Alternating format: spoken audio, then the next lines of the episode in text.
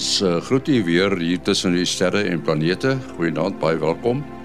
Ons sê goeienaand aan Willie Koorts en Mati Hofman en natuurlik Lafra Smit wat uh, net nou gaan praat oor hoe lyk die volgende maand Oktober se hemelruim as jy na dinge wil kyk.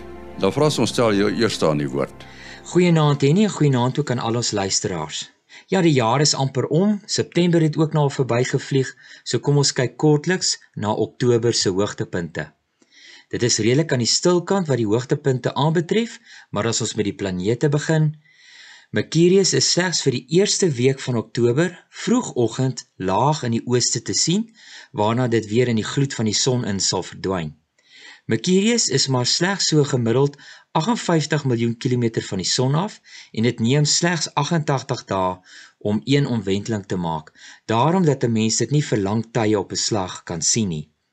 Venus is tans agter die son en sal ook nie hierdie maand gesien kan word nie. Mars kom vir hierdie maand net so voor middernag in die ooste op.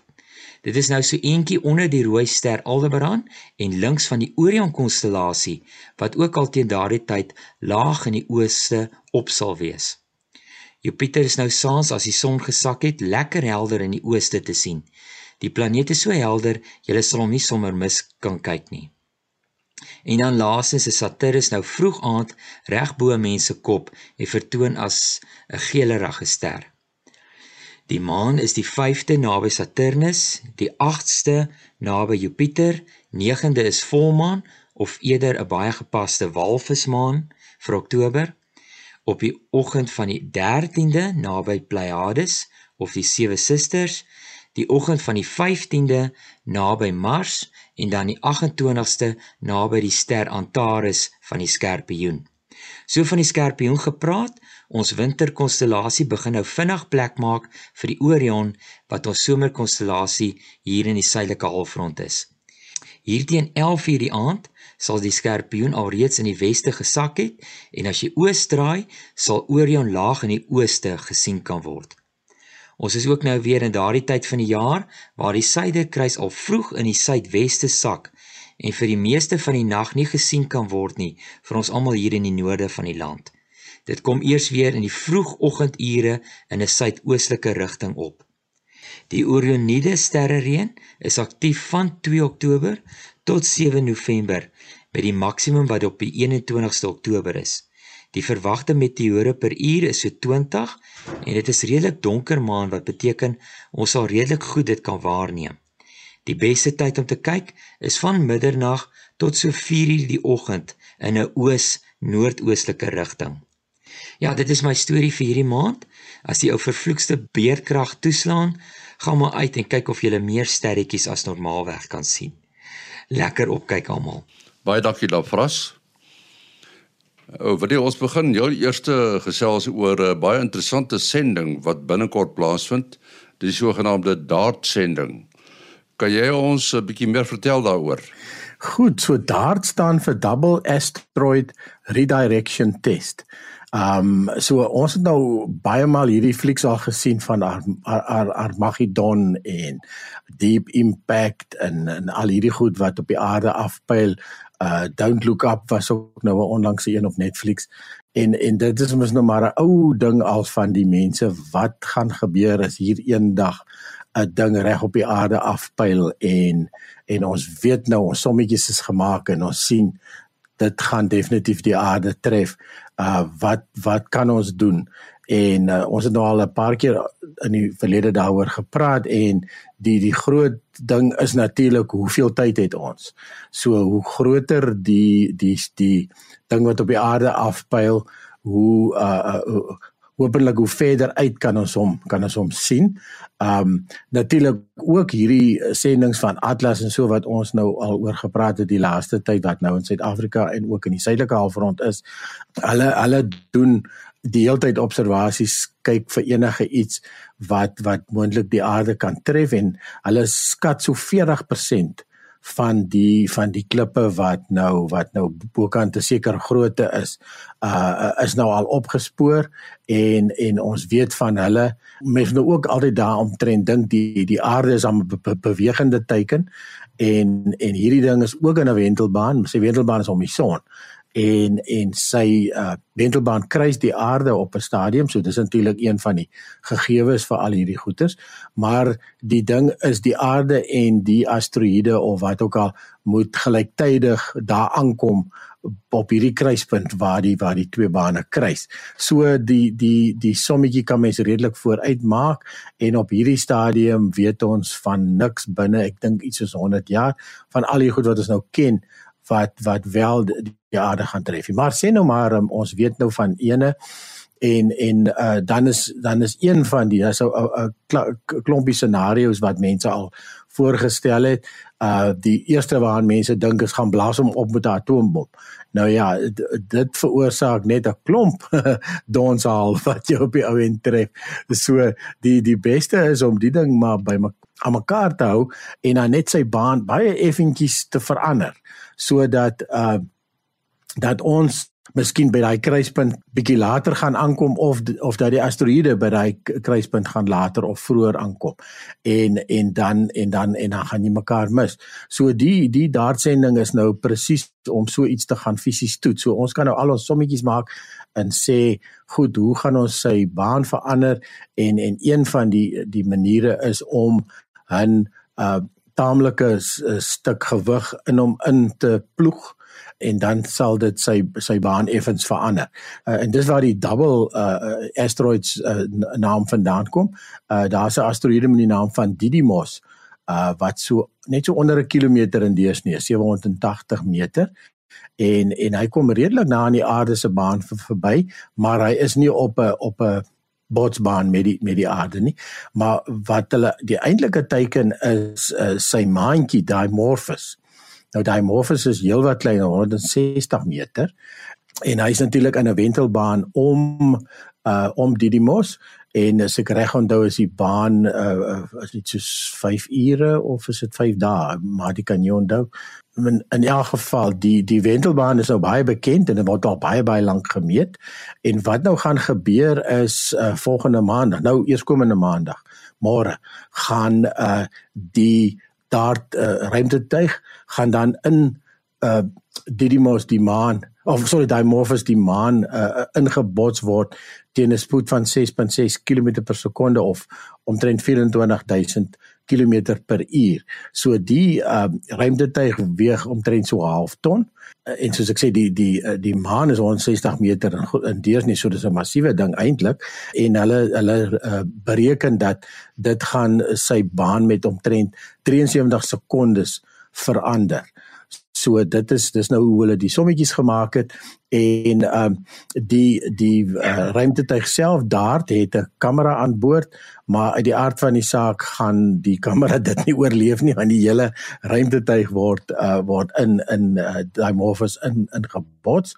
Ehm um, dit gaan wel die, die fotos afneem soos wat dit uh, op die op die maan afpyl gelukkig is daar uh, uh, op die 11de September al het hulle 'n 'n uh, 'n CubeSat 'n klein satellietjie met die naam van Lycia Cube het hulle al losgelaat en die vlieg nou saam en gaan so op 'n afstand van 45 55 km gaan gaan die hele episode afneem gaan kyk eh, die krater wat vorm die uh, materiaal wat uitgegooi word en en dit gaan dan nou alles afgeneem word en en dan later terug teruggestuur word aarde toe.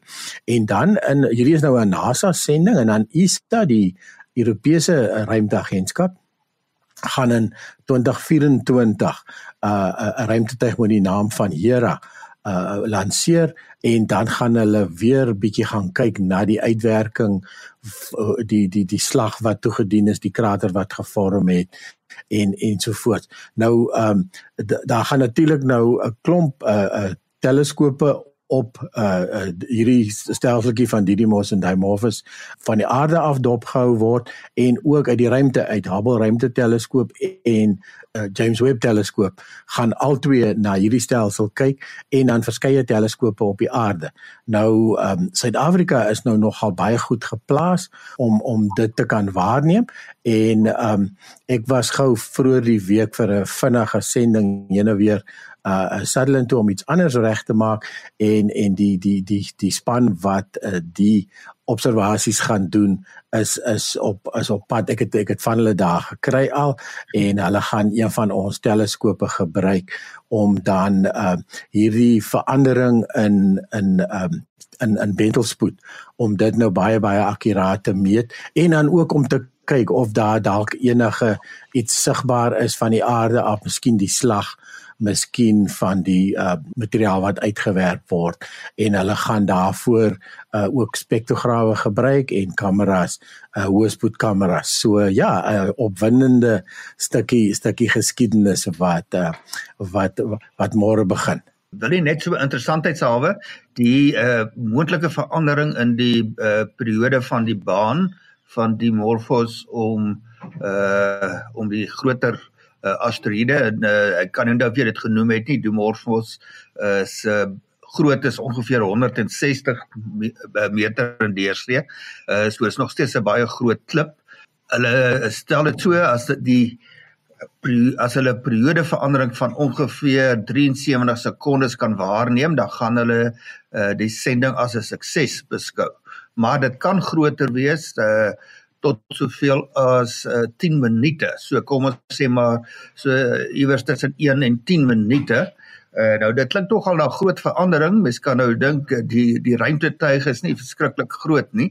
Uh hy beweeg nou wel teen 6.6 km per sekonde, maar ehm um, uh, dit is so uh seker maar 'n bietjie groter as 'n as 'n missiel Ehm um, en die spoed is 'n bietjie hoër. My in elk geval bys my nou hierdie verandering van miskien enkele minute in die periode vergelyk met die met die periode en dit is uh, meer as 2 jaar. So 'n paar minute op 2 jaar is persentasiegewys 'n baie klein uh verskil. Uh so dis nou net interessant om dit in ag te neem en dan jy het nou na ver, verwys ook na die uh die CubeSat uh dit is word deur die Italiaanse ruimteagentskap uh uh voorsien. So dit is altyd positief as hierdie ander ruimteagentskappe saam met NASA aan hierdie soort van projekte van internasionale belang deelneem. En dan uh uh die deelname van uh van die ouens daar by Sutherland laat ons natuurlik nou ook deel daarvan voel. Ja, julle julle het 'n interessante ding gesê oor hierdie maan van die asteroïde. Uh, hoe kan dit gebeur dat 'n asteroïde 'n maan het? Ek het gedink is net planete wat maane het. Ja, dit is dis nogal heel algemeen dat ehm um, dat uh uh, uh asteroïdes uh, maane het. Ehm um, en dit het natuurlik die aardsaak te doen met met hulle vorming. Daar's seker twee redes. Die een is op 'n stadium het iets dit getref en dit uh, verdeel en en dat daar 'n maantjie dan rondom dit wendel, 'n kleiner stukkie dan eintlik. Ehm um, ons noem dit nou maar 'n maan, maar dis ook maar net 'n uh, net nog nog as dis eintlik twee. Dis ook dis ek maar die naam vandaan kom van double asteroid. En en dan ehm um, ja, het ons al al redelik van hulle waargeneem. Ek dink in die beginjare het uh, mense natuurlik wat ons noem 'n ligkurwe geneem van uh van hierdie asteroïdes en en ligkurwe beteken basies jy jy neem sy helderheid almekaar. Jy neem 'n hele reeks van lesings tot minute tot dae uitmekaar uit en en dan kyk jy hoe die um, hoe die uh, helderheid ver, verander en dan kyk jy kan jy op die oomblik op uiteindelik sien wanneer herhaal dit weer. So dan het jy die periode. Ehm um, en en baie maal het hulle gedink dit is as gevolg van 'n uh, uh, verandering in ehm um, in in in sê weerkaatsing of die vorm verander so miskien is die dinge lang 'n dun ding so as hy as hy breë kant na die aarde toe wys gaan hy helderder wees as wanneer die smal kantjie wys. Die die manier hoe hulle uh, uh, hierdie hierdie periode kon vasstel en dis eintlik nou ook omdat dit 'n goeie kandidaat was is dat veral vir nou wanneer die uh, sending uh, gebeur uh, beweeg die twee voor mekaar in die een beweeg voor die ander in in en dit gee dan vir jou 'n definitiewe blip in die in die ligkurwe en en dan deur daai uh, tyd wat die, die blip weer gebeur waar te neem kan hulle dan nou baie akkuraat die die omwentelingsspoed bereken. Ja, hulle sal ook uh, natuurlik uh, deur bloot baanberekeninge te doen. Daar's nou hele klompie teleskope wat kan kan kyk en dan kan hulle nou die relatiewe bewegings uh sien en hoe langer hulle dit doen, met ander woorde, hoe groter deel van die baan hulle kan waarneem, hoe akkurater kan hulle die baanparameters wat dan die periode insluit bereken. Maar uh jou akkuraatste inligting gaan jy kry wanneer daar die daar helderheid afname weer 'n keer plaasvind. Uh en dan gaan die verskil van van die die gemiddeld wat die afgelope tyd gemeet het gaan kan dan enkele minute wees en dit is maklik meetbaar. Nou ja, so van asteroïde impakte gepraat.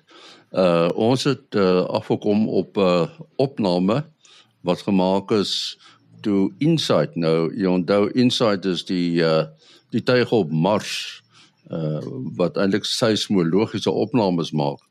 Nou dit is die eerste maal dat hulle so 'n klonk snit bekendstel van hoe dit klink as Insight uh asteroïde impak optel. Kom ons luister na hierdie klein stukkie.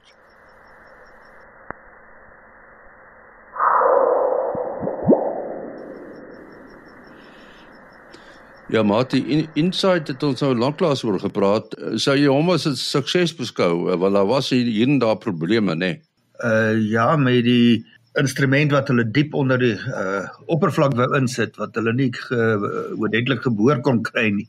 Maar 'n groot sukses van die sending was die uh waarneming van 'n groot aantal ehm uh, ja wel uh, ek dink is meer as 1000 klein skuddings en dit is die groot doel om al hierdie uh seismiese uh vibrasies of golwe Mars op te tel en dan meer te wete te kom oor wat diep binne in Mars aangaan. En hierdie uh, bykomende botsing van voorwerpe uh, gee bykomende uh gebeure wat jy's ook daarvoor gebruik kan word behalwe dat my, hulle nou bykomend kan statistieke bekom oor hoe dikwels sulke impakte in hierdie era van die sonnestelsel se geskiedenis uh plaasvind en dan kan hulle ook gaan kyk waar uh vir daardie gegeewe grootte van die uh skokgolwe wat veroorsaak is, hoe lyk daardie kraters? Nou uh daar was nou uh 4 van hierdie meteori uh meteoroids of wat dan uiteindelik meteoriete geword het toe dit Mars tref. Ehm um, en die uh mees dramatiese een was die eerste een gewees en die het in 'n paar brokstukke uh, opgebreek uh, en hulle kon uh, drie kratertjies wat met elk van daai brokstukke geassosieer was, uh, kon hulle toe gaan uh, gaan waarneem met die Mars Reconnaissance Orbiter. Uh so mens kan sommer op die foto sien dit is uh vas jy kan uh, die kleurveranderinge in die omgewing sien soos die materiaal nou uitgeskiet is. Ek kan nou nie vinnig hier optel hoe groot hulle is nie, maar in elk geval dit is 'n uh, uh, baie opwindende uh uh waarnemings en ehm uh, ja, nou merk ek ook hier op die aantal marsbewings wat hulle waargeneem het of uh, is dan ongeveer 1300. So is 'n groot aantal. So hierdie is nou maar 'n klein getal in vergelyking daarmee, maar dit gee ander soortige uh data uh wat die groter prentjie um uh, makliker maak om by uit te kom. Ja, iets wat ek ongelooflik uh, vind is dat hulle soos jy sê hulle kan nou selfs opgetel het hoe die uh um die meteoriet of uh, nou die atmosfeer van Mars binne gekom het, hoe dit opgebreek het en aan die oppervlak getref het. Ongelooflik hoe hoe fyn berekeninge kan hulle plaas uh, uh, uh, doen met hierdie seismometer en hulle kan selfs die die die skynste van die oppervlak hoe dit hoe dit die oppervlak tref kan kan hulle meet. Dit dit is dit maak net 'n ongelooflike klomp uh, klomp inligting bekend. En dan natuurlik daar's ook 'n mikrofoon op die op inside. En ehm um, en ek is dis ek dink amper hierdie klanke wat ons sien is maar eintlik net die seismometer lesings of seismograaf lesings. En ehm um, want want die impakte het daarom iets so 70 km ver uh, weg gebeur en een was was oor die 100 km weg. Maar ehm um, ongelooflik wat jy wat jy alles kan optel deur deur sulke fyn instrumentasie. Laat ons nou net eers vinnig praat. Ons praat van 'n uh, asteroïde, 'n meteoor en 'n meteoriet. Wat is nou weer die verskil? Uh, die asteroïde is nou die voorwerp wat in 'n baan uh saam met die planete om die son is, uh elkeen op sy eie baan, maar as daai baan nou kruis met die uh, aarde of in die geval Mars, dan uh, dring die as uh, die uh, die atmosfeer van daardie uh planeet binne en dan verwys ons nou daarna as 'n meteoor en wanneer dit nou die oppervlak tref uh en daar bly iets oor dan noem jy dit 'n uh, meteoriet. Uh so in hierdie geval het mens dan te doen as daar enige iets daarvan oorbly. Ehm um, uh het jy meteoriete maar in elk geval die meteoriet impakte daar gehad. Dalk is hulle in fyn stukkies uh, uh verkrummel.